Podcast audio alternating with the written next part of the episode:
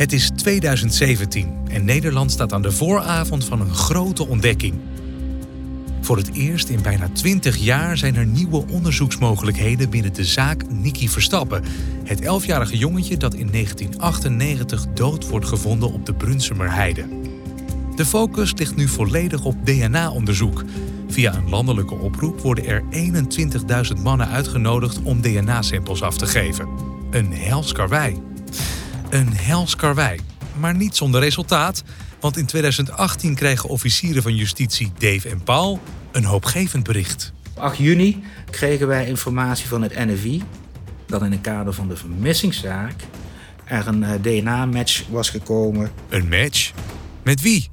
En waarom is er sprake van een vermissingszaak? Dit is Het Oordeel van de Officier, een podcast van het Openbaar Ministerie. Mijn naam is Ben Prins en in de achtste, negende en tiende aflevering van deze serie neemt officier van justitie Dave Matthijs mij mee in de complexe en emotionele zaak Nicky Verstappen. Naast de 21.000 mannen wordt er ook een groep van 1500 mannen uitgenodigd. Deze groep komt in aanmerking voor één op één onderzoek. Een van deze genodigden is Jos B., Jos B. staat al sinds 1998 in het dossier van Nicky Verstappen, na een verklaring die hij gaf op de nacht van de moord. Deze verklaring luidde dat hij op weg was naar huis na het bezorgen van brieven. Een iets wat vreemde verklaring, maar door gebrek aan mogelijkheden hem verdacht te maken, kon de politie er in die tijd niks mee. Tot 2017. Jos wordt uitgenodigd zijn DNA af te geven. Maar om dat te kunnen doen, moeten ze hem eerst weten te vinden. Die mannen, die 1500 mannen die we één op één wilden doen, daar zijn we in november 2017 al mee gestart. In die periode is ook al uh, in zijn geval een brief verstuurd naar het huis wat zijn laatste bekende GBA-adres was. Uh, en dat was een huis waar hij samen met zijn moeder uh, woonde. En daar kregen we eigenlijk geen reactie op, want die brieven waren allemaal zo in de, in de trant van wil je contact met ons uh, opnemen. Toen zijn mensen ter plaatse gegaan en die hebben daar geconstateerd dat het uh, huis leeg stond. Dave en zijn team willen graag weten waar Jos B. uithangt. Via zijn zus horen ze dat hij in het buitenland is om een lange reis te maken. Later blijkt het iets anders te zitten. Jos beheert in het buitenland een vakantiechalet. De oproep tot afgifte van het DNA wordt via zijn zus aan hem doorgegeven. Met goed nieuws. In het voorjaar komt hij naar Nederland om zijn oude zieke moeder te bezoeken. Dan kan hij meteen langskomen bij de politie. Lange tijd blijft het stil vanuit zijn kant. Tot het voorjaar van 2018. Ik denk zo in april 2018. Toen werd onze aandacht ineens weer op eh, Jos Brecht gevestigd. Want toen kwam het geluid van zijn zus dat hij al tijden onbereikbaar voor haar was. En dat ze in een overweging had om hem als vermist eh, op te geven. Dat heeft ze ook gedaan. Ze heeft aangifte bij de politie in de woonplaats gedaan waar zij woonde. Uh, helemaal in het noorden van het land. Dus vanaf april ongeveer was Jos B. ineens een vermist persoon geworden. Dus hij ging van iemand die in het buitenland zat en zijn DNA in maart zou komen brengen, ging hij ineens naar vermist, uh, vermist persoon. En toen kregen we wel wat meer aandacht voor deze Jos uh.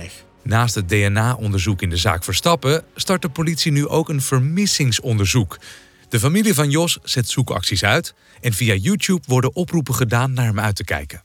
En zaten wij ineens wel met de vraag ja, van wat is er gebeurd? Hè? Is hij gevlucht? Was voor ons natuurlijk een vraag. Uh, heeft hij een ongeluk gehad? Dat kon zomaar. Dat gebied waarin hij zat, in de Vogezen, in dat chalet wat hij beheerde, is ontzettend onherbergzaam. En uh, het werd duidelijk dat hij eigenlijk al rond februari dat jaar eigenlijk het laatste contact uh, was. En toen was het ijs en ijskoud, heel erg winter in de Vogezen. Dus ja, misschien had hij ook wel een ongeluk gehad. Dus we wisten niet. En misschien was hij ook echt gewoon verder getrokken. Al die mogelijkheden waren er. Maar hij viel wel op door dat gegeven van ja, ik kom me DNA geven. En vervolgens vermist. Hoe langer het duurt voor de politie het DNA van Jos in handen krijgt, hoe ongeduldiger ze worden. Zijn er nog andere manieren om aan zijn DNA te komen?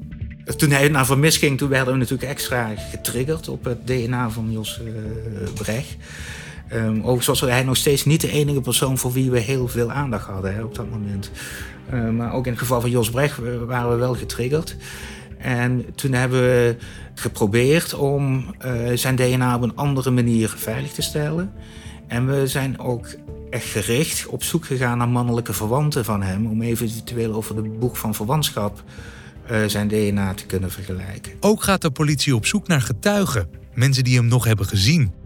Ze komen uit bij de Nederlandse mede-eigenaar van het chalet van Jos. Een gouden vondst, blijkt al snel. Deze getuige, toen hij, ook hij in de gaten kreeg dat Jos B. echt nou ja, weg was en uh, ook niet meer terug leek te komen. Toen is, uh, is die getuige is, zeg maar, de spullen van Jos Brecht in dat chalet op gaan halen. En dat heeft hij vervolgens opgeslagen in een, uh, in een loods in Nederland.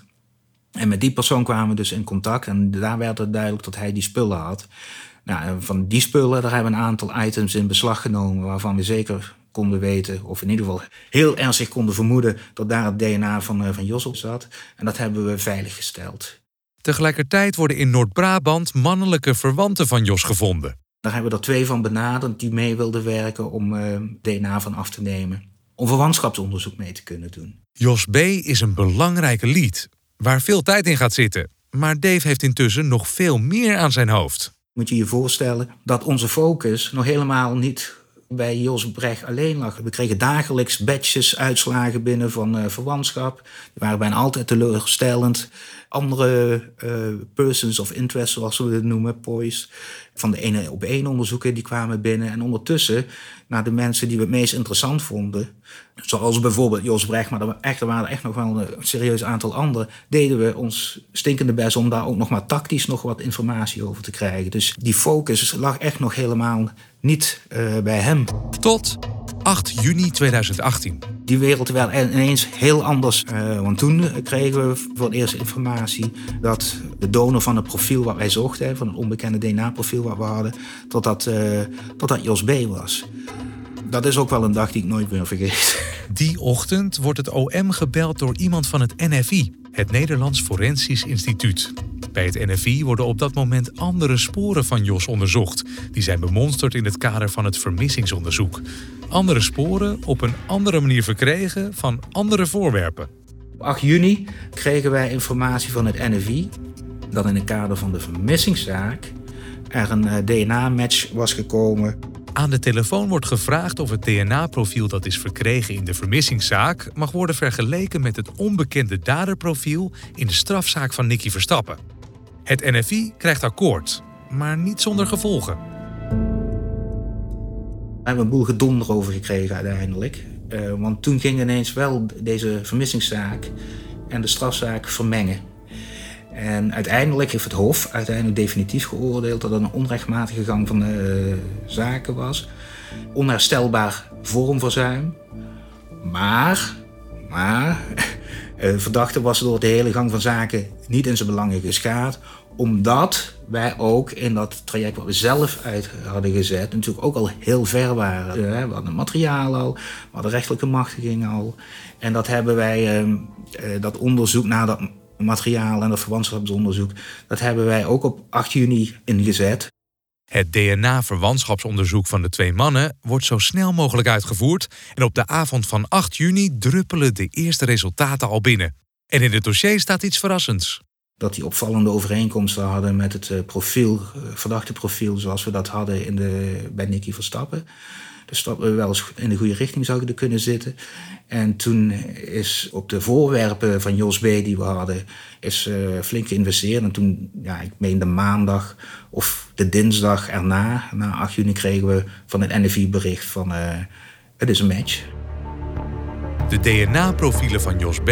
komen overeen met het DNA-profiel van de verdachte. De politie nodigt de familie Verstappen en Peter R. Vries uit op het politiebureau. Kom naar Ewijk, we hebben belangrijk nieuws. Nou ja, dat was wel heel bijzonder. Ja, die, die mededeling eh, van, uh, van Ferdinand Schellinghout, uh, dat was de onderzoeksleider van de politie. En hij heeft toen die match gemeld aan, telefonisch aan Peter R. de Vries. Dat was ook wel een kippenvel moment. En toen de familie er eenmaal was en het ook de familie konden vertellen. Ja, dat was ook ja, een moment wat ik niet meer snel vergeet. Een onvergetelijk moment voor Dave en zijn team. Al die moeite en al die jaren keihard werken zijn niet voor niets geweest. Maar ze zijn er nog lang niet. Jos loopt nog op vrije voeten. Daarom kiezen ze ervoor om per direct alle communicatie naar buiten te stoppen. We hebben er gekozen om, het, eh, om weer embargo te gaan met het onderzoek. Niet in de zin van it is already out there, iedereen weet dat het loopt. Maar uh, we gingen wel weer uh, helemaal naar binnen, dus geen mededelingen meer naar buiten op, op de inhoud. We willen gewoon die man opsporen en aanhouden. Dat was de gedachte, dat is een normale weg.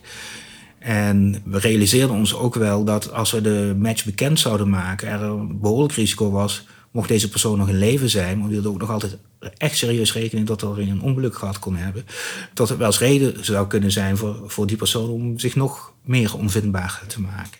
Wat dit idee versterkt is het feit dat Jos een ervaren bushcrafter is. Iemand die op eigen houtje goed kan overleven in de natuur. Dus we dachten van ja, deze man zou A wel eens heel moeilijk te vinden kunnen zijn, maar we willen in ieder geval niet nog meer triggeren om zich nog onvindbaar te maken. Dus we hebben niet gecommuniceerd. En ik kan me herinneren dat ik uh, tegen mijn hoofdofficier, uh, toenmalige hoofdofficier Jan Eland, uh, heb gezegd van nou ja, Jan, we willen het eerst een tijd, ongeveer een maand, de, de tijd krijgen om zelf te vinden. En als dat niet lukt, dan willen we op enig moment naar buiten. Naar buiten gaan met een opsporingsbericht kan altijd nog, is de gedachte. Maar daar denkt de hoofdofficier anders over. En ik weet nog goed dat uh, mijn hoofdofficier zei: uh, Jonge man, dat wil je niet. Eh, want hij zei uh, terecht van: Nou ja, dan krijg je echt een wild goose chase. Dan is je Jos Brecht gezien op het strand in Thailand en in de oerwouden van Suriname. En je krijgt de meest wilde dingen en dan gaan jullie: dat, dat wil je niet. Nou ja, goed, we hebben gezegd van het is nog niet zo ver. Uh, we zien tegen die tijd uh, wel. En toen zijn we vanaf juni zijn we erg gaan, uh, ja, gaan opsporen. Mondjesmaat krijgt de politie meer zicht op de vindplaats van Jos B. Zo komen ze erachter dat hij online heeft gezocht naar verlaten dorpen in Noord-Italië en Noord-Spanje. Samen met de Italiaanse en Spaanse politie proberen ze hem te vinden. Maar helaas dat laatste stukje, echt van hier zit hij nu, dat lukte niet. En het inzicht groeide ook steeds verder. Kijk, in ons Nederland, kleine Nederland, is alles lekker overzichtelijk. Maar ja, Noord-Spanje, uh, Noord-Italië, dat is zo uitgestrekt. Als je niet gevonden wil worden, dat, lukt prima, om het zo te zeggen. Zo uitgestrekt, je, het heeft geen zin om daar te gaan zoeken, bijna. Na twee maanden zoeken lopen Dave, Paul en hun team vast. Het lukt ze niet om Jos op te sporen. Daarnaast wordt het steeds lastiger om het nieuws over de zoektocht verborgen te houden. Omdat de OVJ's niet willen dat het ongewenst uitlekt, besluiten ze om het toch zelf naar buiten te brengen. Uiteindelijk is ervoor gekozen om in de tweede helft van augustus op enig moment uh, toch een persconferentie te gaan doen. En toch uh, dat, uh, die oproep aan de bevolking te gaan doen van help ons alsjeblieft mee Jos Brecht te vinden. Dat was ook nog wel mooi, want mijn hoofdofficier die me zo stellig had afgeraden om zoiets te doen, die hadden we toch wel, nou in ieder geval, het inzicht gegeven dat we echt een heel goede inmiddels strategie hadden op alle eventuele tips die binnen zouden komen. Ook dat was weer een hele organisatie van een call, enorm callcenter en nou ja, uitscreenen van uh, onzinmeldingen en uh, beoordelen van meldingen waar misschien wat in kon zitten. Heel systeem uh, voor bedacht. Na het uitvoerige uitdenken en klaarzetten van het systeem zijn Dave, Paul en het politieteam er klaar voor. De persconferentie kan beginnen. Het was woensdag in augustus en uh, politiebureau in Maastricht en een grote persconferentie. Media uit heel Nederland, maar ook internationaal, veel aanwezig. Familie Verstappen, Peter R. Vries, iedereen was er. En het nieuws dat we Jos Brecht uh, zochten en dat we heel erg graag het hulp van het Nederlandse publiek uh, wilden hebben om hem te vinden. En nou ja, dat heeft gewerkt. Ook op een hele, hele mooie manier. En ons systeem, wat we bedacht hebben, kwam ook echt helemaal tot uitvoering. Je moet je voorstellen, vanaf die oproep, en dat was zo rond de middag ergens, op die woensdag. Toen gingen, de, gingen in ons callcenter gingen de telefoons rood gloeiend. En ik geloof dat we op, op vrijdag hadden we al iets van bijna 2000 tips gehad en verwerkt. En daar zaten inderdaad ook al die meldingen bij waar mijn hoofdofficier ons voor gewaarschuwd had.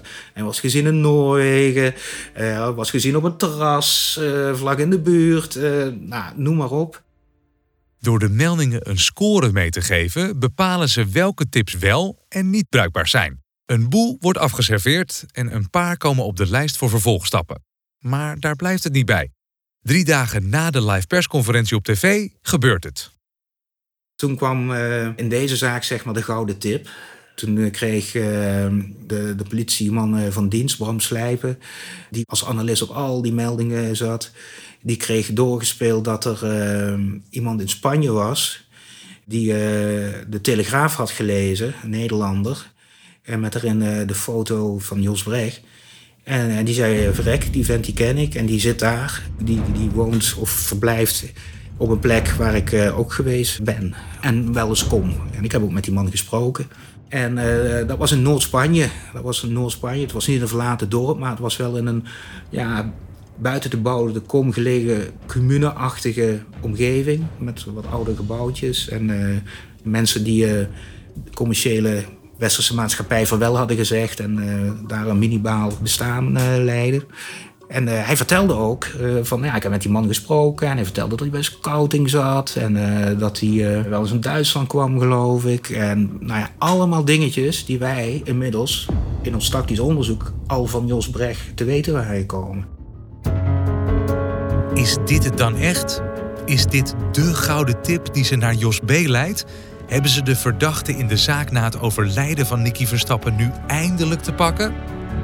Je hoort het in aflevering 10 van Het Oordeel van de Officier, een podcast van het Openbaar Ministerie.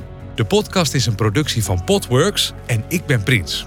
Benieuwd geworden naar het werk van Dave en zou je zelf ook aan de slag willen als officier van justitie? Ga dan naar werkenbijhetom.nl. Bedankt voor het luisteren en tot de volgende aflevering.